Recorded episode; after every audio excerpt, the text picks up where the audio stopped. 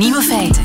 Dag en welkom bij de podcast van Nieuwe Feiten van 14 december 2020. In het nieuws vandaag dat Oekraïne de Tsjernobylzone wil laten erkennen als UNESCO Werelderfgoed. De site is cultuurhistorisch niet meteen de evenknie van pakweg de Taj Mahal, de Acropolis, de Chinese muur of Stonehenge. Maar volgens de Oekraïnse overheid is het gebied 34 jaar na de kernramp toch uitgegroeid tot een wereldvermaarde bezienswaardigheid. Een officiële status als werelderfgoed zou het mogelijk maken om de verlaten winkels, scholen, flatgebouwen en andere afbrokkelende gebouwen uit het Sovjet-tijdperk te conserveren voor het nageslacht. Ter herinnering, het uitsluitingsgebied rond de reactor, ter grootte van het Grote Hertogdom Luxemburg, blijft nog 24.000 jaar onbewoonbaar. De andere nieuwe feiten vandaag. Psychologen ontdekken een nieuw persoonlijkheidskenmerk. Neiging tot slachtofferschap. Niemand kent het geheim van een goede romantitel, maar we herkennen hem meestal wel. Eindelijk kennen we het antwoord op de vraag hoe spint een spin haar web in de ruimte. En Alex Visorek blikt vooruit op het proces Sarkozy in Frankrijk. De nieuwe feiten van Nico Dijkshoorn hoort u in zijn middagjournaal. Veel plezier. Nieuwe feiten.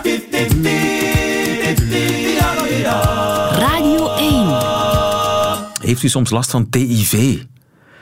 TIV, inderdaad, dat is kennelijk iets nieuws, ontdekt door wetenschappers in Israël. Tendency for Interpersonal Victimhood. Joris Bruinings, goedemiddag. Goedemiddag, lieve. Jij bent uh, psycholoog en docent en ook een beetje onze, onze huispsycholoog, zou ik maar zeggen. TIV, had jij er al van gehoord? Ik had er om eerlijk uh, te zijn nog niet van gehoord, lieve. Uh, het overviel mij ook. En zou je het een, een, een aandoening kunnen noemen? Um, op zijn minst wel, als ik uh, alle artikels had doorgenomen, een persoonlijkheidskenmerk. Of dat je het een aandoening kan noemen. Um, ik denk dat het een, een, een, persoonlijkheidskenmerk is die in verschillende aandoeningen kan voorkomen. Ja, dus een persoonlijkheidskenmerk zoals uh, extravert, introvert, wat is het allemaal? Ja, de Big Five. Uh, dus dat zijn, dat zijn vijf grote clusters van uh, persoonlijkheidskenmerken die in combinatie met elkaar ervoor kunnen zorgen dat je uh, een bepaalde uh, basispersoonlijkheid hebt. Ja, en hoe herken ik TIV? Wel, dat zijn um, mensen die zich in um, bepaalde situaties een slachtoffer voelden. En het gaat niet om de zware trauma's waar dat je echt slachtoffer bent. Het gaat eerder over de situaties. Iemand onderbreekt u bijvoorbeeld, of iemand um, botst tegen u in de supermarkt. Dat de mensen het gevoel hebben dat ze uh, kwaadwillig bejegend zijn en dat zij het slachtoffer zijn van uh, immorele anderen. Ze zijn altijd het slachtoffer. Ja, dus alles wat aan hen overkomt, gaan ze extern attribueren. Dat wil eigenlijk zeggen dat je, dat je de schuld bij de ander legt, wat dat ervoor zorgt dat je jezelf een slachtoffer van de ander voelt. Het is altijd iemand anders schuld. Het is inderdaad altijd iemand anders schuld. En dat zijn mensen die eigenlijk um, een aantal kenmerken hebben, waaronder uh, ze voelen zich moreel superieur. Uh, ze zijn vaak op zoek naar sociale waardering. Als, als, als, die dan niet komt, ja, dan voelen ze zich slachtoffer. Um, en uh, het zijn ook mensen die um, vaak rumineren. Dus uh, mijn buurman zou zeggen pratikeren. Um, het zijn mensen die blijven malen in hun hoofd welk onrecht hun wel niet is aangedaan. Dus dat blijft doorgaan en doorgaan. Ja, en de onderzoekers zijn zelfs tot de conclusie gekomen dat uh, het ook het soort mensen is dat rancuneus is. Um, ze willen eigenlijk wraak. En als ze de kans krijgen, zullen ze um, de ander uh, bijvoorbeeld um, geld afpakken in een spel of uh, straffen ze hebben eigenlijk een licentie, ze geven zichzelf een licentie om zelf slachtoffers te maken. Ja, dat is eigenlijk uh, dat is knap, knap gezien van jou, lieve, want er komt het wel op neer. Want als je je moreel superieur voelt, dan moet je natuurlijk een reden hebben voor de ander, zogezegd in hun ogen, te corrigeren of te laten voelen hoe dat jij je voelt. En zijn het bepaalde mensen die eerder in aanmerking komen voor TIV? Kan het iets zijn in hun vroege jeugd die dat getriggerd heeft? Ja, um, dus uh, er, is, er is weinig overeenkomst met de Big Five buiten op de schaal um, neuroticisme. Um, en dat is een schaal die uh, een stukje de, de angst en de anxiety uh, mee in kaart brengt. En het zijn dus redelijk uh, introvertere, intelligente mensen die. Ja, die, die wat angstig van natuur zijn. Uh, je moet dat niet bekijken als iemand die vaak schrik heeft, maar eigenlijk um, iemand die, die, die rekening houdt met onheil. Um, dus het zou kunnen dat die mensen met een aantal uh, belangrijke pedagogische figuren um, wat een, een ambivalente band hadden en onveilig gehecht zijn onveilig gehecht. Wat betekent dat nu ook alweer? Ja, dat zijn mensen die in hun jeugd eigenlijk uh, met de pedagogische belangrijke figuren in hun leven uh, weinig veiligheid hebben gekregen. Waar dat veel ruzie thuis was of, of, of, in de steek gelaten. En dat soort mensen die gaan vaak angstige uh, verbindenissen aan met de ander. Zou je kunnen zeggen dat uh, TIV dat dat de laatste tijd is toegenomen? Dat dat iets is van deze tijd? Wel, maar dat is een persoonlijke uh, interpretatie uh, die ik uh, maak en die de onderzoekers nog niet hebben onderzocht. We leven ook wel een beetje in een applausmaatschappij. Dus Um, we, leren, we leren kinderen niet meer echt omgaan met frustraties. En ik, uh, ik, ik ben van, van mening dat Freud een aantal uh, redelijk uh, gekke dingen heeft gezegd, maar toch ook een aantal goede dingen. En een van de zaken die Freud naar voren bracht is frustreer het kind. Natuurlijk met mate, maar zo kan het kind ook leren omgaan met een nee, met negatieve feedback, met verlies. Terwijl dat we nu in een maatschappij leven waar dat de kinderen eerder uh, altijd applaus krijgen of een goed gesprek. En daardoor voelen ze zich geneigd tot slachtofferschap als het dan eens tegengaat? Ja, want bijvoorbeeld negatieve feedback krijgen, dat is een van die zaken waar dat de ander zich dan een slachtoffer in voelt. Als je niet gewoon bent om af en toe ook eens een keer iets minder fraais te horen, um, ja, dan komt dat natuurlijk binnen. En als je dan die zaak nog extern gaat attribueren, dan uh, kom je in een situatie terecht waar dat de ander dader is en jij slachtoffer. We hadden het over een persoonlijkheidskenmerk. Kan het ook uh, uitgroeien tot een stoornis, denk je? Ik denk het wel, zeker als je dat in extreme mate hebt, omdat je op die manier ook geen leuke verbindenissen met anderen aangaat. Hè. Het, het is geen warm, liefdevol contact. Het is een, een contact waar dat je moet opletten, uh, dat je niks verkeerd zegt of doet, of uh, je krijgt wraak. Uh, terug. Dus dat is niet leuk, zulke soort mensen. En dan kan het echt wel leiden tot sociaal isolement. Tot, en, en dan voelen ze zich nog meer slachtoffer. En dan kom je, kom je snel in een visieuze cirkel terecht. Dus het zou kunnen dat TIV, een eh, nieuw begrip, dat dat uh, de komende maanden, jaren wel meer uh, ingang zal vinden. Ja, of al ingang heeft gevonden. Hè. Ik denk dat we allemaal in onze vriendenkring wel, wel iemand kennen waar dat je het gevoel van hebt van oei, die heeft lange tenen. Dan kom je toch al in de buurt van iemand die zeer gevoelig is als er iets negatief wordt gezegd. TIV, ik had er nog nooit van gehoord. Tendency for Interpersonal Victimhood, een nieuwe term in de psychologie. Joris Bruinings, dankjewel. Goedemiddag. Nieuwe feiten. Coucou de France. Met Alex Visorek. 14 december vandaag en ook in uh, Parijs regent het, neem ik aan, en is het grijs. Maar ja. wat daar voor de rest aan de hand is, dat vertelt ons uh, onze landgenoot en mijn collega bij de Franse radio, Alex Visorek. Goedemiddag, Alex. Goedemiddag. Goedemiddag, lieven. In deze week gaan wij richting de rechtbank. Okay. Vorige week werd een belangrijk proces afgesloten. Het proces van een heel bekende naam, Paul Bismuth. Paul Bismuth. Ja, klinkt Zegt mij niks, eerlijk gezegd. Nee. Bekend in de oren. Maar in Frankrijk weet iedereen wie hij is. Je kent hem. Want de man met de naam Paul Bismuth is in werkelijkheid Nicolas Sarkozy. Oké. Straks meer details. Maar eerst even terug naar het verleden. Vanaf 2012 komen er verschillende verdenkingen over de financiering van Sarkozy. Zijn verkiezingscampagne in 2007. Hij zou een grote som geld hebben aangenomen van Liliane Bettencourt, de erfgenamen van groep L'Oréal, en ook van de Libische dictator Gaddafi. Ja, Gaddafi. Dit is een ja, van de vele affaires waarvoor eh, Sarkozy al vaak ondervraagd werd en ook zijn onschuld op televisie bleef verkondigen. In 2014, twee jaar nadat hij de politiek verliet, besliste hij om misschien terug te keren.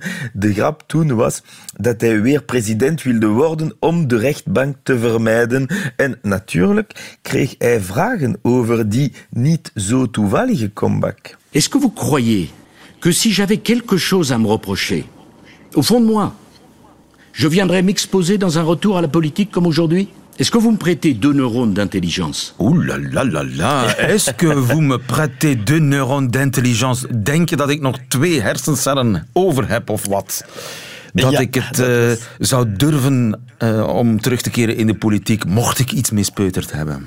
Ja, ja, en de journalist was verbaasd met die analyses. Eh, hier reageerde hij er nogal rustig op, want in een andere debat durfde de journalist hem direct te vragen of hij geld van Gaddafi had gekregen in 2007. En hoe reageerde hij? Quelle indignité. Nous sommes sur le service public. Vous en avez parlé Vous vous-même hier soir. honte. Wat een schande. Dat aan mij durven te vragen. En dat sur le service public op de openbare omroep. Inderdaad, en het is hier een eh, afluisterzaak dat Aha. ons interesseert vandaag. Want wat heeft Paul Bismuth daarmee te maken? Juist, ja. Wel, in 2014 beseften Nicolas Sarkozy en zijn advocaat Thierry Herzog dat de speurders de officiële telefoonlijn van Sarkozy afluisterden. En dat was vervelend, omdat zij graag informatie wilden delen dat de speurders niet mochten weten. Herzog had namelijk een mol bij justitie. Daardoor kwamen ze te weten hoe het onderzoek verliep en het proberen te beïnvloeden. Maar dat kan je niet bespreken op een afgeluisterde lijn. Dus hebben ze een nieuwe SIM-kaart gekocht om stiekem te kunnen bellen, maar naar elkaar.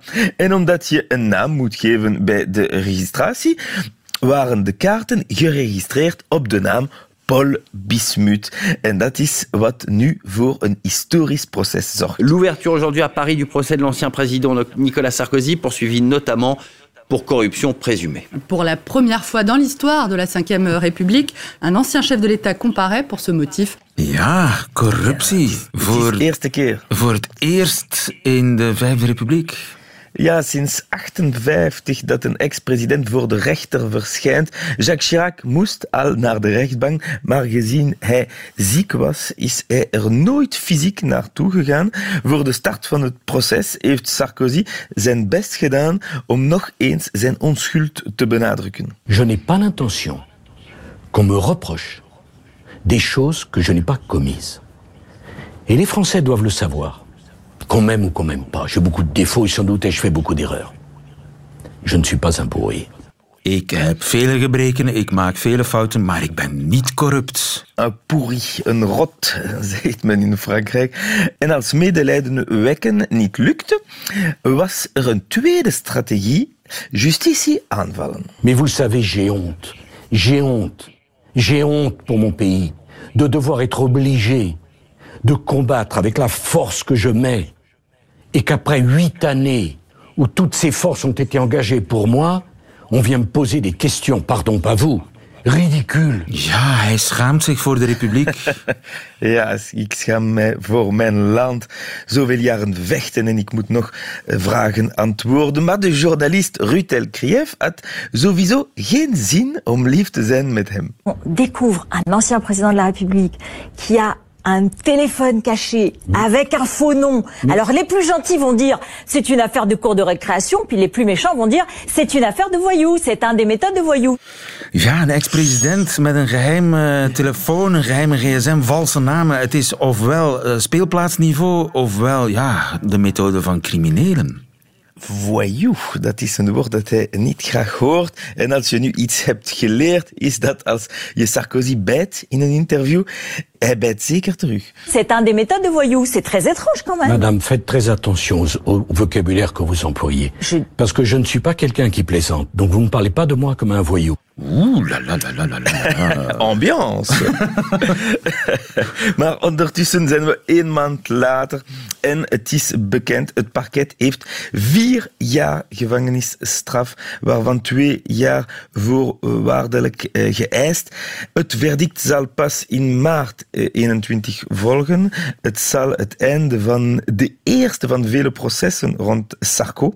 En ook goed nieuws betekenen voor de echte Paul Bismuth. Ah, want die bestaat. Ja, hij bestaat degelijk. De advocaat Thierry Herzog had gewoon een naam gekozen van iemand die in zijn klas zat. Aujourd'hui, ça me gêne terriblement de voir mon nom galvaudé et propagé. C'est-à-dire qu'aujourd'hui, c'est plus c'est l'affaire Sarkozy, mais c'est l'affaire Paul Bismuth. J'attends rien du tout de ce procès qui vient.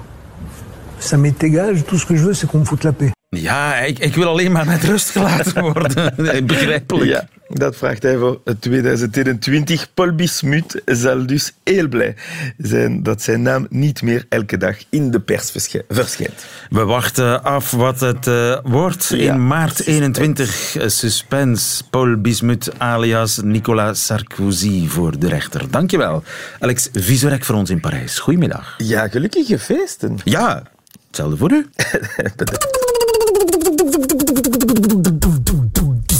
Nieuwe feiten. Het moeten niet altijd tien versiertips die echt werken zijn. Of de vijfde vermijden valkuilen bij het bereiden van champignons. Qua clickbait kan dit ook wel tellen, want mijn oog viel op de 50 beste boekentitels aller tijden. Wouter van der Land, goedemiddag. Goedemiddag. Op uh, neerlandistiek.nl uh, zag ik jouw artikel over de 50 beste boekentitels aller tijden. Mm -hmm. Hoe kom je daarbij om, om die 50 beste titels te verzamelen? Um, het is de tijd van het jaar natuurlijk, van de, van de toplijstjes. En ik ben bezig met een uh, boek te schrijven over titels. Over hoe je een goede titel bedenkt. En vandaar dat dit mij een leuke vorm lijkt. Dat is een kunst, hè? Titels bedenken. Zeker. En niet alle schrijvers beheersen die volgens mij.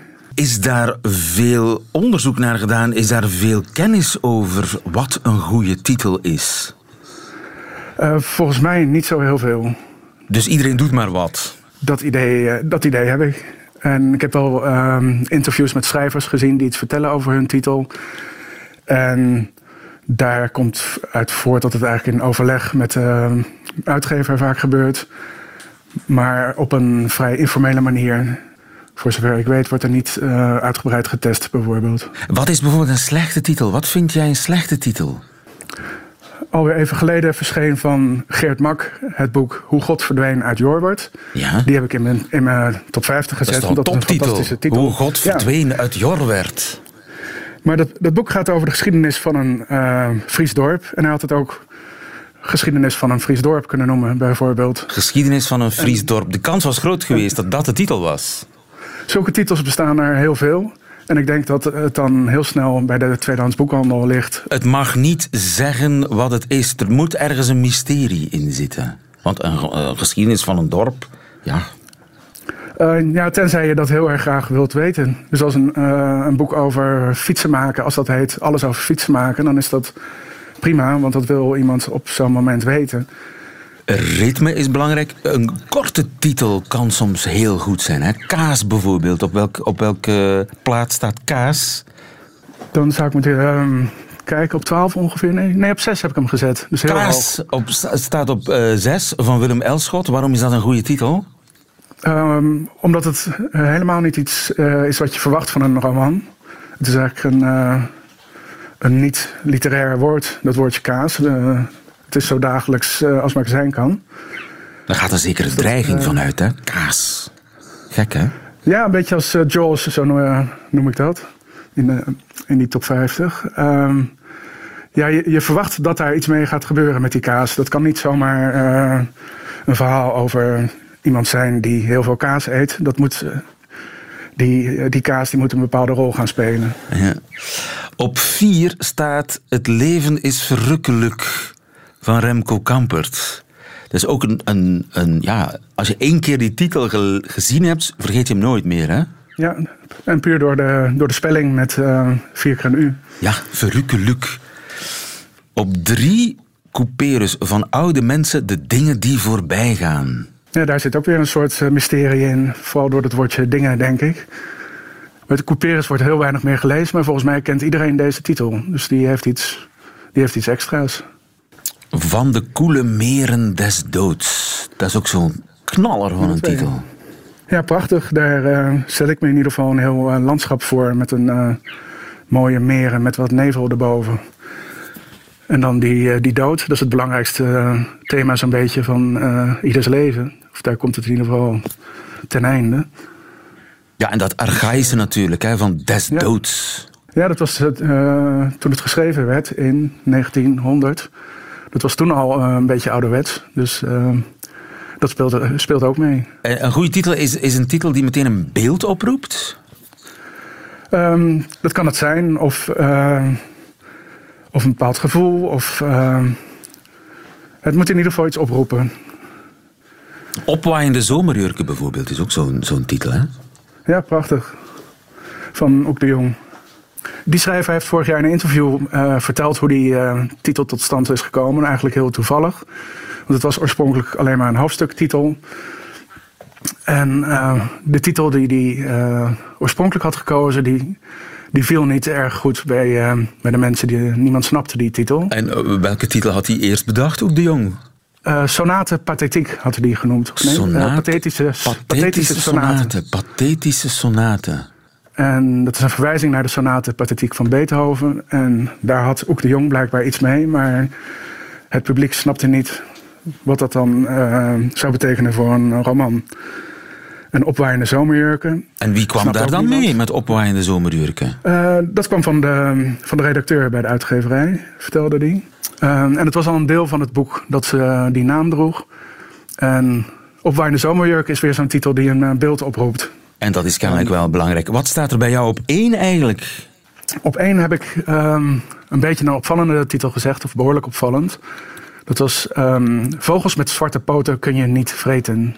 Dat boek ken ik niet. Uh, dat is een verhalenbundel van Anton Doutsenberg uit 2010.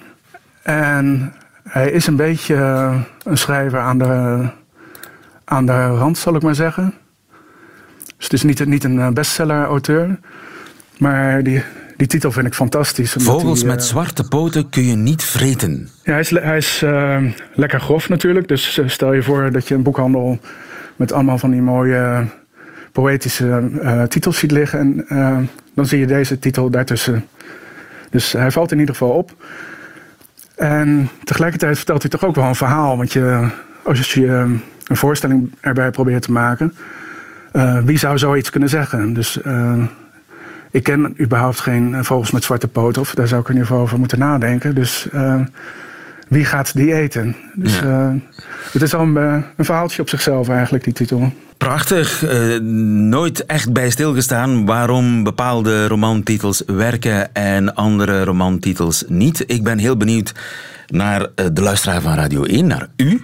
Wat zijn eigenlijk uw favoriete boekentitels aller tijden? Uh, laat ons uw persoonlijke top 5 weten via radio1.be of via onze gloednieuwe Radio 1 app. Wouter van der Land, mag ik je veel succes wensen met het nog te schrijven boek. Heb je al een titel? Um, die heb ik, maar die hou ik graag voor me. Zeer verstandig. Dag Wouter, dankjewel. Dag. Radio 1. Nieuwe feiten. Hoe een spin een web maakt in de ruimte. Spiders in space, dat weten we nu. Op die vraag hebben we eindelijk een antwoord. Goedemiddag, Rudy Jockey. Goedemiddag, lieven.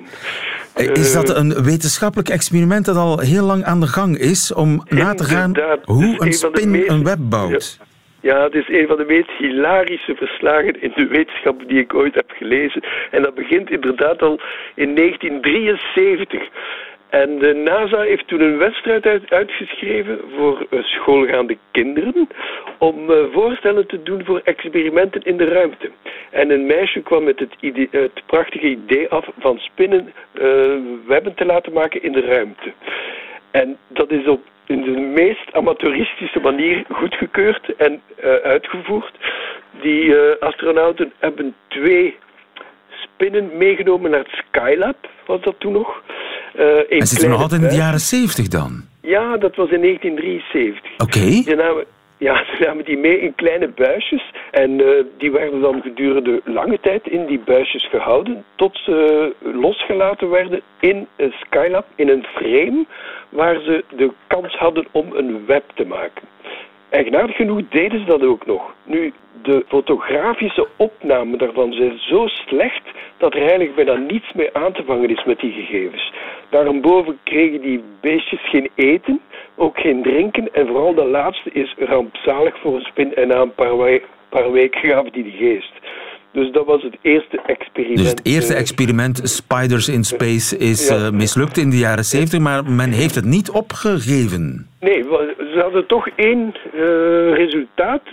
Spinnen kunnen dus wel degelijk een web maken in gewichtloze toestand. En dat was toch al uh, iets dat nu vaststond.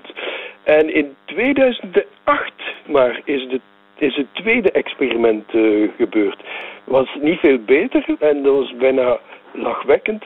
Deze keer hadden ze twee spinnen meegenomen in een doorschijnend plastic uh, kistje, niet, niet erg groot. En uh, één spin was de, de zogenaamde hoofdspin. En er was dan nog een reservespin in een klein bakje dat in die hoofdruimte was aangebracht. En uh, ze waren nog maar pas gelanceerd of die uh, reservespin was al ontsnapt naar, het hoofd, uh, naar de hoofdruimte. Oei. Zodat die twee spinnen met elkaar een beetje concurreerden voor de ruimte en zeer onregelmatige webben maakten. Daarboven hadden ze deze keer wel eten mee. En ze hadden een Drosophila-kweek, dat zijn die kleine fruitvliegjes, hadden ze in dat uh, observatiekamertje gebracht. Maar die, die vliegen, die uh, produceerden zodanig veel nakomelingen dat de, het, het, doorschijnende glas na een tijdje vol zat met uh, popjes van die vliegen en dat de opname ook niet meer konden dus gebeuren. weer al mislukt het experiment? Eigenlijk ook weer mislukt. Ze, ze hebben wel gezien dat die spinnen dus wel degelijk uh, webben konden maken. Ja, maar dat is op zich al een enorm raadsel, want uh, hoe ja. kun je een web maken in gewichtsloze toestand. Want zo'n web, zo'n spin zakt toch naar beneden en spint op die manier haar web. Ja, blijkbaar is dat voor die spin geen probleem. Want in het derde experiment, en dat is dan wel redelijk goed uitgevoerd, dan hebben ze twee spinnen meegenomen in de ruimte en ook twee controlespinnen van dezelfde soort op aarde gelaten. In dezelfde omstandigheden, in een klein bakje van uh, plexiglas. En deze keer hebben ze wel goede opnamen genomen en hebben ze gezien dat die spinnen symmetrische webben maken in de ruimte. En hier moeten we toch wel iets uh, verklaren. Bij de meeste webspinnen zijn de webben asymmetrisch. De bovenkant is kleiner dan de onderkant. Dat, die spin zit dus in haar web dichter bij de bovenkant dan bij de onderkant. En dat heeft een aantal voordelen. Bijvoorbeeld, ze kan veel sneller bij een mogelijke prooi geraken als ze naar beneden gaat met de zwaartekracht mee dan als dat boven haar uh, gebeurt. Dus op aarde zijn de, zijn de spinnenwebben asymmetrisch. Het centrum zit een beetje ja, aan de ja. bovenkant. Juist. Ja. En in de ruimte is dat niet het geval? In de ruimte is dat niet het geval, tenzij men uh, die uh, proefkamer belicht langs één kant.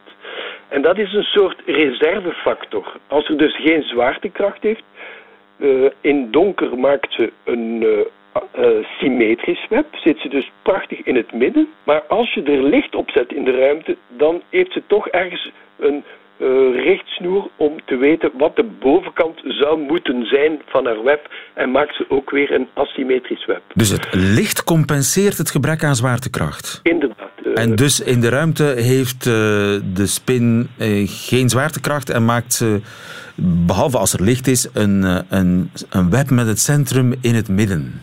Exact, ja. Dus wat kunnen we daar nu uit besluiten?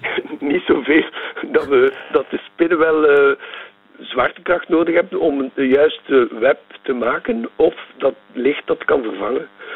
Licht kan zwaartekracht vervangen, tenminste voor een spin. Dat is toch een merkwaardige vaststelling.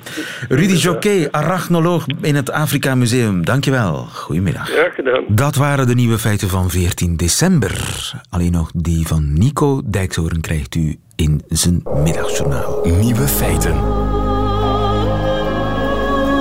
Middagjournaal. Beste luisteraars. Vanavond gaat premier Rutte ons weer toespreken, maar dit keer niet vanuit een weesloze persruimte, inclusief systeemplafond. Nee, hij doet het zoals het hoort, vanuit zijn torentje in Den Haag. En ik vind dat een hele fijne plek. Soms zijn er beelden van een ontmoeting in het torentje. Daar zitten er vier transseksuelen bij hem aan tafel, die uitleggen hoe dat nou is, transseksueel zijn. En een week later heeft hij een goed gesprek met drie bouwvakkers. Die vinden dat hun bouwradio's veel harder moeten kunnen. Wat dat laatste betreft, ik weet niet wanneer die folklore is ontstaan. Dat bouwvakkers alleen maar blijken te kunnen werken wanneer er op orkaankracht ongelofelijke scheidradio uit een enorme radio beukt. Een paar jaar geleden werd er vlak naast ons huis iets nieuws gebouwd. En toen heb ik twee weken lang huilend met een kus op mijn hoofd op bed gelegen. Erger kan je mij niet straffen moeten luisteren naar iets waar je geen zin in hebt, zoals u nu. Maar goed, dat torentje. Ik weet eigenlijk helemaal niet of u ook zo'n officiële plek heeft waar uw premier het land toespreekt. Ik hoop eigenlijk heel erg dat het bij u anders gaat. Dat Alexander de Croo u, de Belgen, toespreekt op het strand met een hele gekke hond vlak naast zich. Of dat hij tijdens de toespraak een garnalenkroket eet. De volgende dag hoort hij dat hij de hele toespraak een kluit ragout op zijn wang had. Volgens mij zou dat heel goed werken. Je wordt menselijker. Nu ik erover nadenk, hier in Nederland is de boodschap: kijk, mensen, ik zit in een kamertje waar alleen ik in mag, want ik ben de premier. Veel beter zou het zijn als Mark Rutte vanavond in een botsautootje op een verlaten kermis zijn toespraak houdt. Dat is een veel pakkender beeld. Ondertussen hoop ik natuurlijk heel erg dat hij gaat zeggen wat hij eigenlijk al twintig jaar geleden had moeten zeggen. Dat iedereen vanaf morgen zes meter bij Nico Dijksoren uit de buurt moet blijven. Zoals u nu luisteraars. In een ver vreemd land. Maar ik zwaai naar u vanuit Leiden.